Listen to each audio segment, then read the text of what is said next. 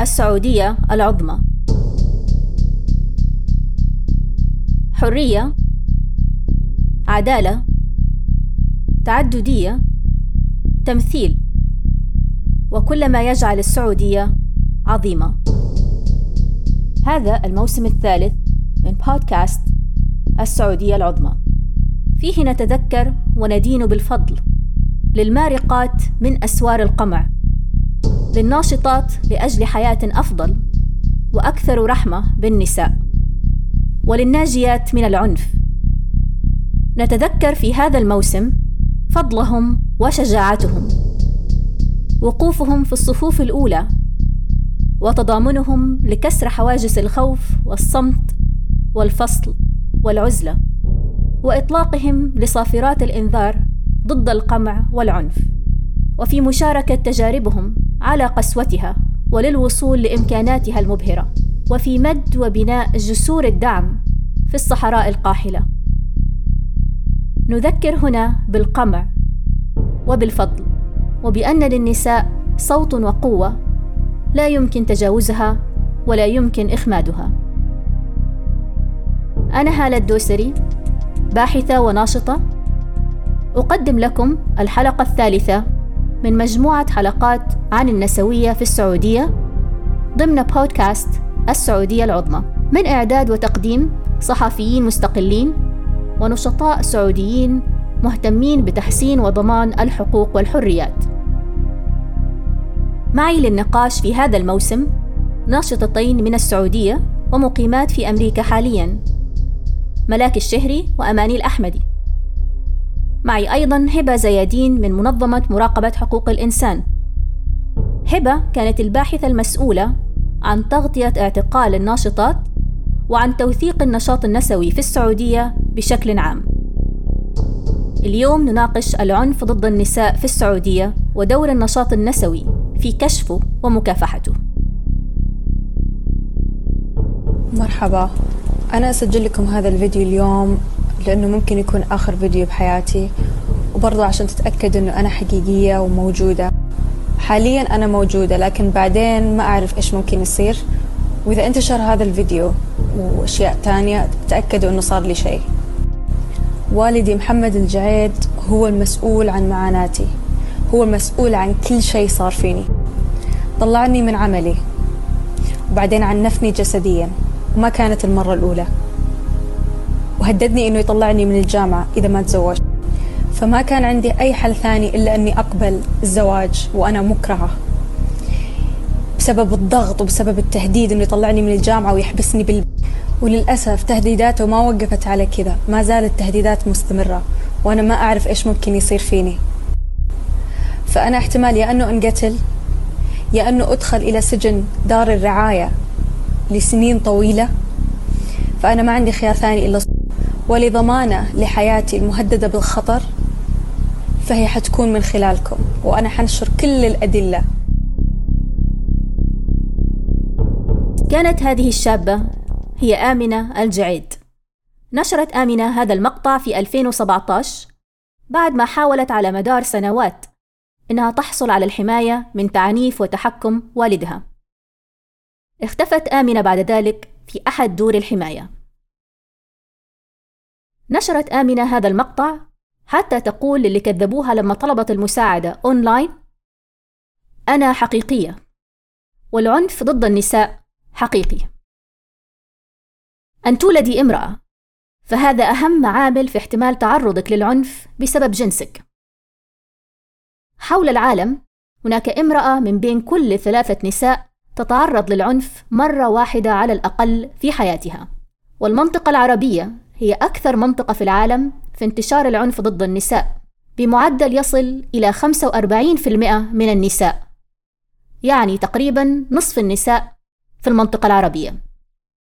وذلك لأسباب ثقافية واقتصادية وخصوصا مع تزايد الحروب والتهجير وسياسات التقشف واللي تفاقم معاناة النساء والأطفال بشكل رئيسي. لذلك البيت ليس بالضرورة ملاذا آمنا للنساء. يفضي العنف ضد النساء لمجموعة خطيرة من العواقب. منها العواقب الصحية اللي قد تصل إلى الإعاقة أو الانتحار أو القتل أو العواقب الاقتصادية بسبب تعطل المرأة عن الكسب أو العواقب الاجتماعية لتأثيره على الأطفال والمجتمع المباشر في تبني العنف كسلوك مقبول لفرض السلطة الذكورية على الإناث أو لحل المشكلات. وأهم مشكلة تعزز ممارسات العنف ضد النساء هي تدني مكانتهم أو عدم المساواة في علاقات القوة بين الجنسين، سواء كان ذلك داخل الأسرة أو في المجتمع أو في القوانين والسياسات العامة. وهذا يصعب من مساعدة الناجيات من العنف كما أدركت ملاك الشهري، وهي ناشطة نسوية تشاركنا النقاش في هذا الموسم. أنا من الناس اللي يتأثرون يعني. ما أقدر أفصل. لما تجي بنت تتكلم معاي ما أقدر أفصل. وأقول هذه مجرد بنت لا لأني يعني بنات كثير يجون يشكون ويفضفضون لي عن العنف اللي يتعرضون له. بعضهم حتى يقولون ما نبي محل يا ملاك. نبي بس نفضفض وحتى لو ما تردين علينا. بس نبي نتكلم من خلال حسابي يعني بتويتر. كل قصة تأثر فيني يعني بشكل أو بآخر وأعيشها وأحسها وتاكل مني. والسبب أني أنا واحدة منهم يعني. ويمكن هذا حتى أيام كثير ما أقدر أتحمل حسابي لأني أتعب إذا ما قدرت أطلع شخص يعني من من مشكلته. أتعب أتعب يعني. أحس بمسؤولية لكن ماني قادرة يعني بعض الأحيان ما أقدر أستوعب آه، هالمشاكل أكبر مني. ما أقدر ما أقدر أساعد فيها. يعني تحتاج إلى فعلا حل سياسي ولي وليست مشكلة شخصية. بالتأكيد أن مجموعة العوامل اللي تعرض النساء للعنف متداخلة وكثيرة وتسهم في صعوبة إفلات النساء من بيئة العنف بمجرد تقديم حل جزئي لا يتعامل مع كل هذه العوامل. لأن العوامل اللي تعرض النساء للعنف متعلقة بأمور تتخطى وضع المرأة الشخصي أو وضع المعنف أو طبيعة العلاقة بين المعنف والضحية ومدى هيمنته عليها لكن تتعلق أيضا بثقافة المجتمع وهل تنتشر فيه مفاهيم شرف الأسرة المتعلقة بسلوك وأخلاقيات المرأة أو تقبل المجتمع لاستخدام القوة لحل المشكلات؟ وما هي طبيعة التشريعات والقوانين والمفاهيم عن العنف ضد المرأة بشكل عام؟ هنا مثلا تتحدث لنا ملاك عن إحساس الرجال بالاستحقاق فيما يخص تقويم سلوك المرأة. العنف ضد النساء هو عنف ممنهج هو ليس حدث عارض ليس مشكلة شخصية وليس شيء عائلي مثل ما يكررون علينا. العنف ضد النساء ناتج عن منظومة أبوية ذكورية مدعومة من قبل عدة جهات. عندك السلطة الدو أو الدولة بمؤسساتها المجتمع الدين القبيلة الفضاء العام القضاء الأسرة المدرسة أو التعليم بشكل عام. المرأة السعودية معرضة للعنف من قبل كل هذه الجهات. هذا العنف وش مصدره؟ أن المرأة لا تمتلك جسدها. الكل يمتلك جسد المرأة ما عداها. مثال عندك امرأة يعني أنا مثلا أمشي بالشارع شخص غريب لا أعرفه ولا يعرفني مؤمن بأنه يمتلك الحق بأنه يقول لي غطي شعرك أو غطي وجهك أو يتحرش أو لأنه يعتقد أني ملك من ملكياته أو أن الفضاء ملكة يعني بالنهاية. مجموعة المفاهيم الأبوية المرتبطة بالشرف هي عامل أساسي في منطقتنا لانتشار العنف ضد النساء. في المجتمع الأبوي يستخدم العنف كوسيلة لتأكيد سلطة الرجل على المرأة، وخصوصًا لو تصرفت بشكل مناف للتقاليد أو الأعراف أو تحدت سلطة الرجل. ومثل ما ذكرت ملاك، فلا ينطبق ذلك فقط على النساء في أسرة الرجل، حيث تتعلق بالرجال ككل مهمة حماية السمعة وضمان السلوك السوي للنساء في المجتمع الأكبر. المرعب هنا ليس فقط ما يحدث للضحايا المشتبه في سلوكهم، ولكن في تواطؤ مجتمعاتهم المباشرة في إخفاء قضية العنف. مثل قضية إسراء غريب الشهيرة. بعد ضربها المفضي للموت على يد رجال من أسرتها نتيجة للشك في علاقتها بشخص ما والتي أعيد التحقيق فيها بعد حملة مناصرة من صديقاتها وليس من النساء في أسرتها. كم إسراء اختفت من الحياة بلا أن يعلم أحد؟ هناك أيضا فئات بعينها من النساء يتعرضن لعنف ممنهج أكثر من غيرهم.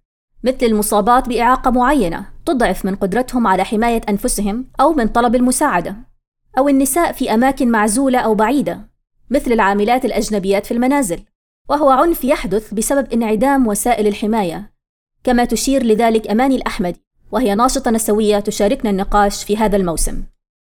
لا يوجد تسليط كاف على قضايا العنف ضد النساء عموما. وقضايا العنف ضد النساء الأجنبيات أو المقيمات عادة ما تهمش بسبب الهوية المتداخلة. فهنا ننظر لمفهوم التقاطعية intersectionality. فعادة ما يتشابك أشكال التمييز ضد المرأة في جميع أشكال الهويات السياسية والاجتماعية الجنس العرق الطبقة التوجه السياسي العاقة إلى آخرها. فمن الممكن أن يواجهنا الأجنبيات تمييز من نوع آخر ضدهن بحسب موطن البلد. الأجنبيات من الدول الأوروبية عادة وليس دائما ما تعطى لهم ميزات فوق غيرهم. ولكن الأجانب من دول آسيوية وأفريقية وغيرها عدد ما تهمش قصصهم بخطابات معادية سواء كانت دينية أو قومية. فدائما ما نرى قصص خادمات تحرشنا بهن رجال تهمش بحسب نظرة المجتمع السلبية لهم التي تصورهم كسحرة ومشعوذين. فيجب النظر دائما في الهويات المتداخلة لأنها تلعب دور هاما في تحديد الامتيازات والحقوق التي ينالها الفرد والمرأة خصوصا في المجتمع. ولو ناقشنا مجموعة العوامل الشخصية اللي تعرض نساء أكثر من غيرهم للعنف فهي متعددة ومتشعبة. مثلا نشأتهم في منزل تتعرض النساء فيه للعنف أو تعرضهم هم للعنف في أثناء الطفولة أو كون المعنف مدمن على المواد المخدرة أو الكحول. وهذا أحد أهم العوامل لتعرض النساء للعنف في الدراسات السعودية. وأيضا ارتباط مشكلة العنف بقوانين الولاية أو بقوانين الأسرة وذلك لصعوبة إثبات الضرر داخل الأسرة في المحاكم للحصول على الطلاق أو الحضانة أو إلغاء الولاية. وهناك فقر السعوديات حتى لو كانوا متعلمات أو ما يسمى بالفقر المؤنث.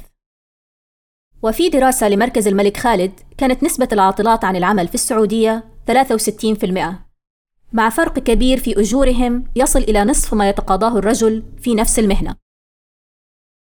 ويشير مؤشر الفرق العالمي بين الجنسين في مشاركة المرأة وفي الفرص الاقتصادية إلى مكانة متدنية للسعودية.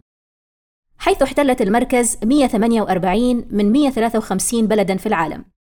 أول ما استبدلوا العمالة الرخيصة يعني استبدلوها بمين؟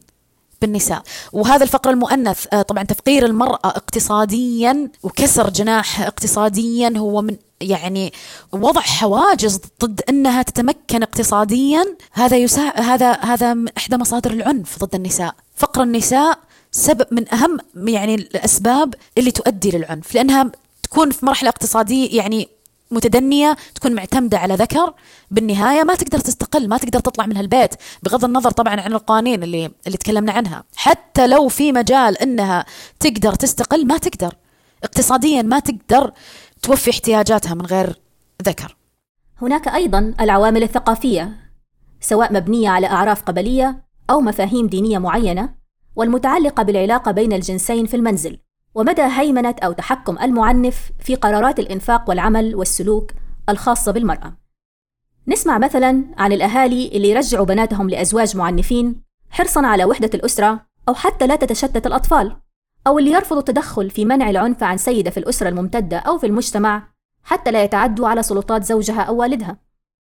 فالذكورية في الأسرة والمجتمع تشرع لولي الأمر صلاحية التأديب وتقرير سلوك المرأة. وتلزم الرجال غيره بعدم التدخل في خصوصياته. عزلة المرأة أو حبسها في البيت، خصوصا في الأماكن النائية أو البعيدة عن محيط الدعم الأسري المعتاد، تسهم في صعوبة إفلاتها من العنف، وهذه العوامل كلها تخلق بيئة تمنح العنف مبررات للاستمرار، وتحول إلى سلوك متوارث عبر الأجيال يصعب مقاومته، وتصبح ثقافة العنف جزء هيكلي من بنية الدولة الأبوية تقرها التشريعات الدينية والقانونية بنية الدولة الأبوية تحفز وتؤثر بشكل مباشر على استمرار العنف ضد النساء. فجزء مهم من خطاب الدولة لم يظهر بعد ولم يتم الاعتراف به علنا إلى الآن هو تجارب النساء. فلهذا السبب دائما ما تتجه النساء السعوديات والعربيات عموما لمواقع التواصل الاجتماعي لسرد تجاربهم وقصصهم مع العنف الأسري والجنسي وغيرها. وذلك من مزيج من العوامل الاجتماعية والسياسية. منها الخوف والافتقار إلى الوعي بالحقوق وثقافة الترهيب ضد المرأة وثقافة الإفلات من العقاب التي تجعل الانتهاكات ضد المرأة أمر طبيعي. المجتمع الأبوي والديني لا يعطي مساحة صغيرة للمرأة في المجال العام بل دائما ما نرى الخطاب السياسي والديني يخلق جدارا من العار والصمت حول الانتهاكات ضد المرأة ولا سيما العنف الجنسي. والعنف الجنسي بالذات أمر يتم التستر عليه على خطورته وذلك لاعتبارات متعلقة بسمعة الفتاة والأسرة وفرصها وربما فرص أخواتها المستقبلية في الزواج. وأتذكر بحث ساعدت فيه منذ سنوات حول قوانين الاغتصاب والزنا في الدول الإسلامية. وسألتني الباحثة لماذا لا تثير الناشطات مثل هذه القضايا؟ كان ذلك بالطبع بسبب إشكالية الصمت المجتمعي حول هذا العنف وحجبه عن النقاش العام بزعم حماية الضحايا. بالإضافة إلى عدم وجود قانون جزائي مكتوب يوضح أفعال العنف المجرمة وعقوبتها بشكل واضح. يعني مثال المجرم في حان الغامدي. حكم عليه بالبراءة اللي قتل قتل ابنته. حرق أعضائها التناسلية. شنع فيها اغتصبها. آه، طلع براءة ومن كان المدان؟ إهمال طبي. اللي قتلها الإهمال الطبي وليس والدها اللي طلع. الحكم فيه إيش؟ إنه كان مجرد إسراف في التأديب. إسراف التأديب هذا من وين مستقين الحكم؟ من من الشريعة اللي هي دستور الدولة بالنهاية. وطلع براءة والآن يعطينا محاضرات مستشار أسري يعني في القنوات يجيبونه. عندك أمث قانون الولاية عدم قدرة المرأة على تزويج نفسها عدم المساواة في الورث. وإحنا نعرف إن الورث هو يعني السبب كبير سبب من من أكبر مسببات العنف ضد النساء حتى يعني في قصص كثيرة في الجنوب. آه نقصان شهادة المرأة. لا تعتبر إنسان لا تعتبر إنسان عاقل يعني. شهادتك لا تعتبر بنصف شهادة ذكر واضربوهن. عدم الاعتراف بالاغتصاب الزوجي. الاغتصاب لا ما يسمونه اغتصاب أصلا. زوجي أو غير زوجي لا يوجد كلمة اغتصاب عندنا. يسمونه زنا. يعاملونه معاملة الجنس بالتراضي. هذا يأخذنا إلى إشكالية تعريف العنف ضد المرأة بما يناسب الثقافة المحلية وتحويل الممارسات العنيفة التي تقرها التقاليد والأعراف إلى أنظمة معمول بها. نظام الحماية من الإيذاء مثلا يعرف العنف أو الإيذاء على أنه شكل من أشكال الاستغلال أو إساءة المعاملة الجسدية أو النفسية أو الجنسية أو التهديد به. يرتكبه شخص تجاه شخص آخر متجاوزا حدود ما له من ولاية عليه أو سلطة أو مسؤولية بسبب ما يربطهما من علاقة أسرية أو علاقة إعالة أو كفالة أو وصاية أو تبعية معيشية. ويدخل في إساءة المعاملة امتناع شخص أو تقصيره عن الوفاء بواجباته أو التزاماته في توفير الحاجات الأساسية لشخص من أفراد أسرته أو من يترتب عليه شرعا أو نظاما توفير تلك الاحتياجات له. طبعا خلاف إن هذا التعريف لم يخصص العنف بأنه ضد النساء وهم الفئة الأكثر تعرضا له في الأسرة لكنه أيضا لم يذكر ما هي أفعال العنف المجرمة على وجه الدقة. محدودية تعريف الإيذاء تسهم في غموض القانون وصعوبة اللجوء إليه وبالتالي في استمرار العنف ضد النساء. خلونا نقارن تعريف الإيذاء مع تعريف العنف اللي تبنته الأمم المتحدة كمثال في 1993 واعتبرت العنف على أنه أي عمل عنف قائم على نوع الجنس يعني موجه للنساء خصوصا. ويفضي أو قد يفضي إلى تعرض المرأة إلى ضرر أو ألم جسدي أو نفسي أو جنسي. ويشمل التهديدات بارتكاب أفعال من هذا القبيل أو الإكراه أو الحرمان التعسفي من الحرية سواء وقع ذلك في الحياة العامة أو الخاصة. قدم الإعلان أيضا تفصيلا واضحا لتعريف أفعال العنف ومصادرها في مادته الثانية. يفهم العنف ضد المرأة بأنه يشمل على سبيل المثال للحصر العنف البدني والجنسي والنفسي في الأسرة بما في ذلك الضرب والتعدي على الأطفال الإناث والعنف المتصل بالمهور واغتصاب الزوجة وختان الإناث وغيره من الممارسات التقليدية المؤذية للمرأة والعنف غير الزوجي والعنف المرتبط بالاستغلال. العنف البدني والجسدي والنفسي في المجتمع بما في ذلك الاغتصاب والتعدي الجنسي والمضايقة الجنسية والتخويف في مكان العمل والمؤسسات التعليمية وأي مكان آخر والاتجار بالنساء وإجبارهم على البغاء والعنف الذي ترتكبه الدولة أو تتغاضى عنه أينما وقع.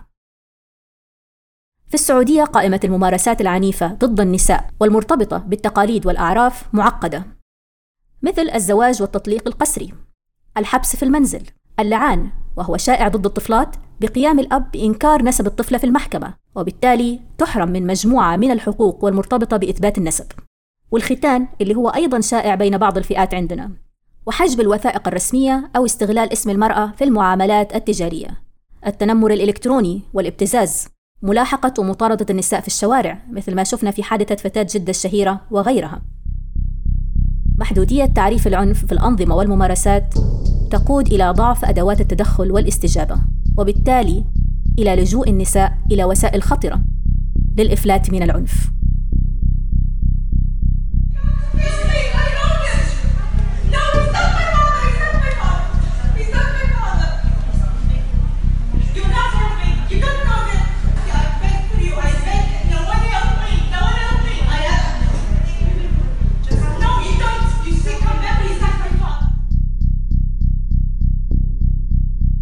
كانت هذه دينا علي. أثناء محاولتها منع شرطة المطار في الفلبين من إعادتها قسرا إلى الرياض بعد هربها من السعودية. للأسف دائما ما نسمع عن قصص عنف أو هروب فتيات من السعودية وغيرها من دول الخليج. وما أقدر أختار قصة معينة أثرت فيني أكثر من غيرها. بس أول واحدة أفتكرها اليوم إذا أتساءل عنها وإيش صار معاها وإذا هي لسه حية فهي قصة دينا علي. أتمنى تكون عايشة بسلام وسعيدة. وأقدر أقول إنها أثرت فيني لأنها كانت من أوائل القصص اللي انتشرت وكان شيء مخيف كيف رجوعها للسعودية بعد هروبها. الواحد ما كان يقدر يتخيل إيش كان ممكن ينتظرها بحال رجوعها. شيء أرعب الكثير من النساء. دور أجهزة الدولة أساسي في مكافحة العنف ضد النساء وعلى أن نظام الحماية من الإيذاء نص على توفير خط ساخن للبلاغات وملاجئ للمعنفات إلا أن ذلك لم يحل المشكلة للكثير من المعنفات. ولا نعرف الكثير عن كيفية التدخل لحماية النساء بعد استلام البلاغات. لكن نعرف مدى انتشار العنف بحسب خبر منشور عن تلقي مركز البلاغات 1919 لأكثر من 19 ألف بلاغ في عشرة أشهر أي بمعدل 1900 بلاغ عنف أسري في اليوم الواحد وفي منطقة واحدة. ولذلك يعتبر العنف أولوية كبرى في مجال الصحة العامة. محدودية الخدمات المقدمة وامتلاك المعنف سواء كان ولي الأمر أو الكفيل لمجموعة من الصلاحيات للتسلط على المرأة يصعب من وصول المعنفات إلى المساعدة. فعلى سبيل المثال لا يوضح النظام ما هو قياس الخطر اللي تستخدمه موظفات الخط الساخن في تحديد من تستحق الحماية والتدخل. كما لا يمكن للملاجئ استضافة الأطفال الذكور الأكبر من سبع سنين مع المعنفة ولا استضافة المعنفات من جنسيات أخرى. ولا يمكن الخروج من الملجأ في أحيان كثيرة إلا بصحبة محرم للمرأة. وش في أكثر من أن الدولة من خلال هذه المعتقلات اللي أسميها معتقلات الرعاية يقولون لك أنا بسجنك عشان أحميك. هذا نفس نفس العنف اللي نواجهه في بيوتنا. أسجنك عشان أحميك. والمعنف حر طليق يعيش حياته. وش اللي تعرضوا للنساء في دور الرعاية؟ سجن مراقبة كاميرات. ما ينعطون طبعا ثقة مسجونات. تعرية تفتيش مستمر. يعني هذه هذه المعتقلات هي نموذج حماية الدولة للمرأة. أنا إيش برجي من الشعب؟ إذا الدولة تعطيني هذا النموذج كدار حماية للنساء وحماية. شرجي من الشعب إذا الدولة قاعدة تقول للشعب هكذا نحمي النساء هكذا نحمي المواطنات. ما عندنا حتى يعني فكرة عن منهجية هذه المعتقلات اللي يسمونها دور رعاية في كيفية حماية النساء. يقول يعني اللي نعرف انه في شروط حتى. مو أي امرأة تطلب الحماية يتم يتم نقلها لهذه لهذه الدور. لا. في أسئلة معينة يسألونها وعن طريقها يحددون والله انت تحتاجين رعاية ولا ولا عندنا فكرة عن هذه يعني هناك شروط معينة يجب أن تستوفينها كامرأة معنفة عشان تستحقين حماية الدولة. طيب حما طيب حما وامرأة ماذا عن بقية طيب الأطفال و... والنساء الموجودات في هذا المنزل؟ أو يعني هل يتم التعامل مع قضيتهم كمعنفين محتملين أو لا؟ أبدا أبدا أبدا. وكيف وكيف تنتهي؟ تعهد تعال تعهد ويتم إقناع المرأة بأنها تتحمل وتصبر وإنه خلاص روحي معاه. وهكذا يتم التعامل من قبل مؤسسات الدولة مع العنف ضد المرأة من قبل مواطن آخر.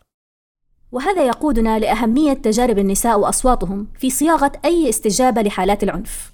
وللنسوية دور كبير في كل مراحل الوقاية، سواء الوقاية الأولية في تقديم خطاب ونقاش عام يكشف ما هي ممارسات العنف السائدة، ويوضح مدى ضعف القوانين وآليات الاستجابة، ويدعم خطاب المساواة بين الجنسين، للنسوية دور في الوقاية الثانوية أيضا في وضع تجارب المعنفات كأولوية في صياغة سياسات وقوانين وآليات التدخل والحماية الرسمية ولها دور أيضا في الاستجابة المتقدمة في إنشاء ملاجئ أو حملات لقضايا معينة أو توفير وسائل دعم أخرى للمعنفات. لكن ذلك العمل المدني الحيوي للنسويات محاصر في الداخل كما توضح ملك سمعت فيديوهات سناب شات يعني فيديو عبر سناب شات المحامي يوعي الذكور السعوديين بحقوقهم. يعني هذه نكتة العصر. يقول آه، إذا كانت في وحدة تخرب زوجتك عليك؟ يعني بما معناه تخرب طبعا هي توعيها إنها تخبب بينك وبين زوجتك. مثلا أنا جيت آه، صديقتي أو قريبتي أو ايا كان احتضنتها في بيتي بعد ما عنفها زوجها وما رضيت ما رضيت تطلع من بيتي وأنا احتويتها سواء أنا ذكر أو امرأة بعد. إيش القضية اللي ممكن يرفعها يرفعها علي والدولة بتعين تعينه وتعاون عليها؟ إني أنا أويت هاربة. يلا حليها طيب.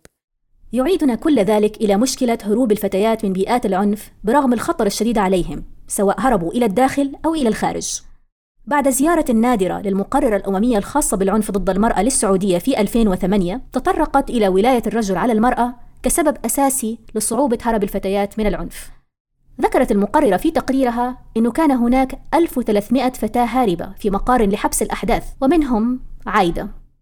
وضعت المقررة قصة عايدة. والدي عسكري متقاعد ومدمن للكحول عنفني منذ صغري وتوفيت والدتي في المستشفى بسبب الضرب والحروق. ولما اتهمنا أنا وأخواتي والدي بالتسبب في وفاتها أجبرنا على تغيير شهادتنا. ضربني بالسلاسل والسيف واغتصبني. هربت وعشت في الشارع حتى ألقت هيئة الأمر بالمعروف والنهي عن المنكر القبض علي وأحضروني لملجأ. لكن والدي أبلغ الشرطة أني هاربة وقضيت أسبوعا في السجن. ولم تقبل المحكمة دعواي ضده بالاغتصاب وركزت على قضية الهرب.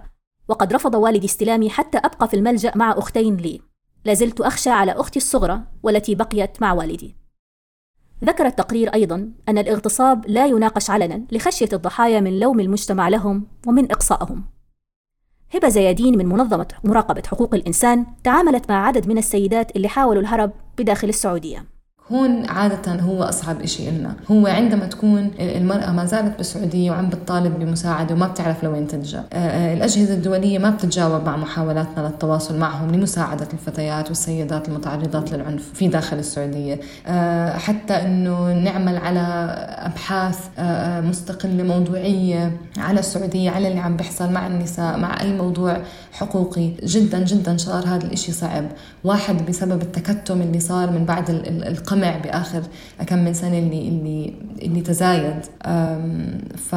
فهاي المشكلة يعني إحنا مقيدين بالحلول اللي بنقدر نقدمها للنساء المعنفات أو النساء الهاربات داخل السعودية. آه، خصوصا لأنه بنعرف شو الدور اللي الملاجئ تلعبه عادة واللي هو دور عادة بيكون سيء أو أو مش مفيد أو نيجاتيف آه، بنعرف كيف الشرطة ممكن بس آه، تتفادى أو تتجنب آه، شكوى بتيجي فيها النساء. وطبعا خصوصا الرقابة الذاتية اللي موجودة عند النساء ثقافة العيب الخوف.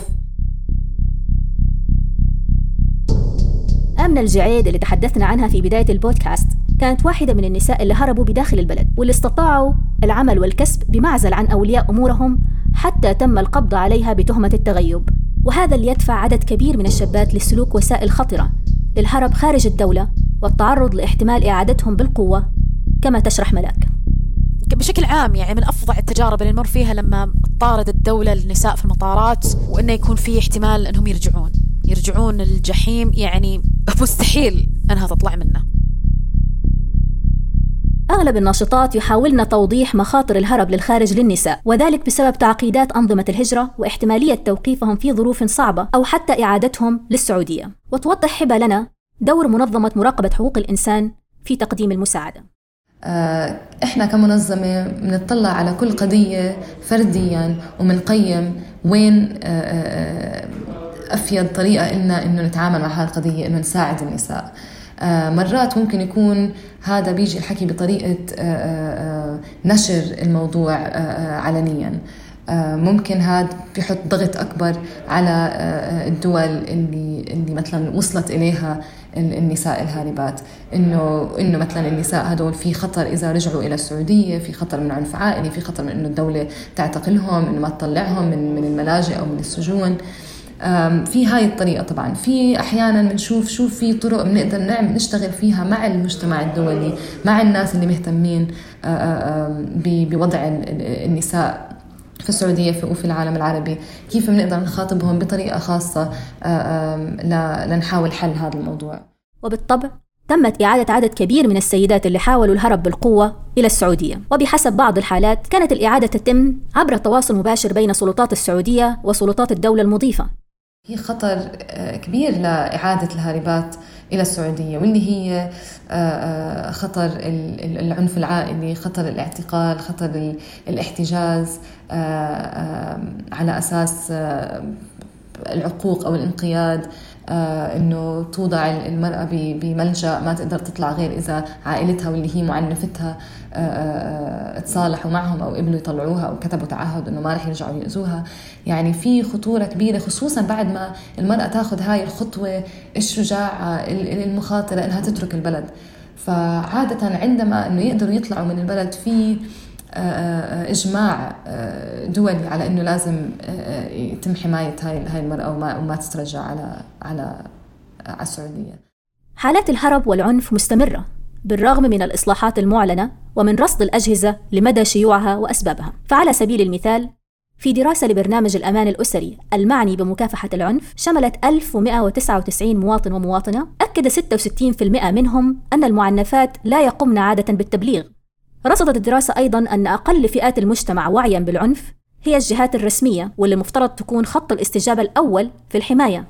وجدت الدراسة أن 23% من منسوبي المحاكم الشرعية و31% من منسوبي رجال الشرطة والأمن كانوا أقل الفئات وعيا بمشكلة العنف ضد النساء. وبالتالي دور الدولة في مكافحة العنف ضد النساء لا يتم فقط عبر توفير الموارد والحماية الملائمة للناجيات أو ردع المعنفين عبر أوامر عدم الاقتراب أو المراقبة أو العقوبات الأخرى. لكن عبر إصلاح القوانين الغامضة التي تسمح بمرونة الإفلات من العقاب. كالعقوبة المخففة في حال كون المعنف عائلا لأطفال كما حدث في قتل أب لزوجته دهسا في الرياض. والدور الأساسي للدولة هو في توفير مناخ آمن للعمل المجتمعي ولحماية مساحات حرة للنساء لإبراز تجاربهم مع العنف وللقضاء على ثقافة الصمت وإشعار الناجيات بالعار ولومهم. وهذا الحراك كانت تقوده الناشطات بشكل حذر. هلا أس أثر طبعا حكينا شوي بهذا الموضوع. أثر قمع الناشطات آه، اللي حصل بآخر سنتين على دعم الناجيات من العنف آه، آه، وعلى الحركة اللي حاولت تبني موقف نسوي مناهض للعنف. طبعا أثر القمع اللي حصل مع الناشطات على هذا الموضوع، هلأ يقال للعالم إنه السعودية تعمل على النهوض بحقوق المرأة، على التقدم الاجتماعي للمرأة والتقدم من ناحية عملية، لكن الحقيقة إنه في غياب تام لحركة أو بيئة منظمة لحقوق المرأة بتقدر من خلالها النساء الطالب على الطالب بحقوقهم بأمان آه، آه، آه، وبصراحة. ومستحيل يكون في مجال للمزيد من التقدم إذا النساء خايفة تحكي إذا فيه مثل هذا التكتم إذا الناشطات البارزات ما زالوا في سجون السعودية وما زالوا هم نفسهم يتعرضون لعنف من الدولة قدمت اللجنة الأممية هذه التوصيات لإنهاء أشكال التمييز ضد النساء للسعودية. أوصت اللجنة الأممية السعودية بتعديل قانون الجمعيات والمؤسسات لضمان بيئة تمكن من تأسيس الجمعيات النسائية وحرية مشاركة النساء في الحياة السياسية والعامة. ردت السعودية على اللجنة في 2020 بأنها سعت إلى إيجاد مناخ ملائم وبيئة مؤاتية تمارس فيها هذه المؤسسات عملها باستقلالية كان رد هزلي بالطبع لأن السعودية لم تذكر معاقبة الناشطات على طلب تصريح لإنشاء ملجأ للمعنفات أو رفضهم لطلب نسيم السادة الناشطة المعتقلة حاليا منذ 2018 لإنشاء جمعية حقوقية نسوية. ولم يكن هناك أي رد منطقي على توصية اللجنة بتعريف وتجريم العنف ضد النساء بما في ذلك الاغتصاب والاغتصاب الزوجي وأشكال الاعتداء الجنسي الأخرى بالإضافة إلى العنف الاقتصادي. يعرف الاغتصاب في المحاكم السعودية بأنه من الحدود وفي 1981 أجازت فتوى عن تعريف الحرابة وهي حد يشمل السطو المسلح وقطع الطريق أن تشمل الحرابة أيضا الاعتداءات ذات الطابع الجنسي.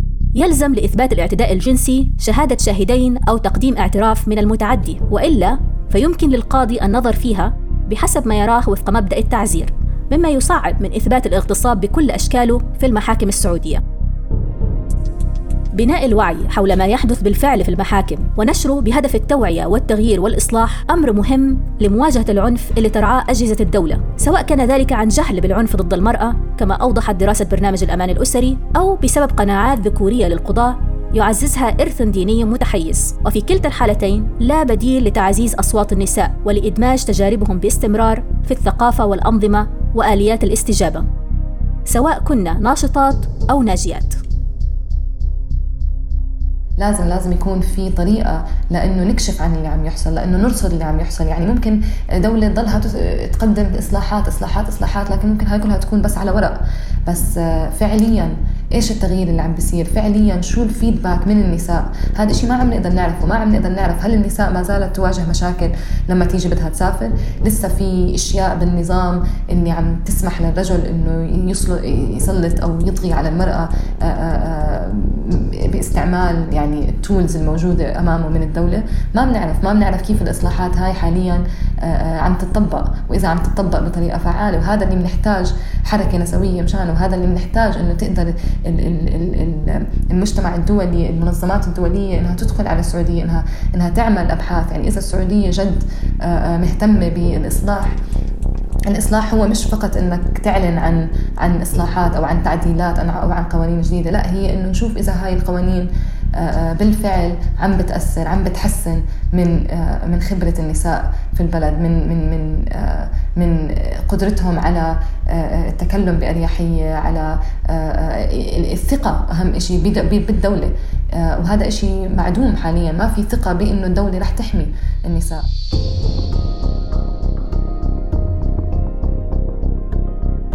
شاركونا برأيكم عبر هذه الطريقة الآمنة وبدون اسم أو هوية. تجدون التعليمات على حساب تويتر بودكاست السعودية العظمى. أنتج هذا البودكاست بدعم من منظمة العفو الدولية. الآراء الواردة فيه مستقلة ولا تمثل بالضرورة رأي منظمة العفو الدولية. أنا هالة الدوسري وألقاكم على خير في الجزء الأخير والقادم من هذا الموسم ولنناقش فيه أفكار وآراء حول النسوية والحراك النسوي في السعودية بشكل عام.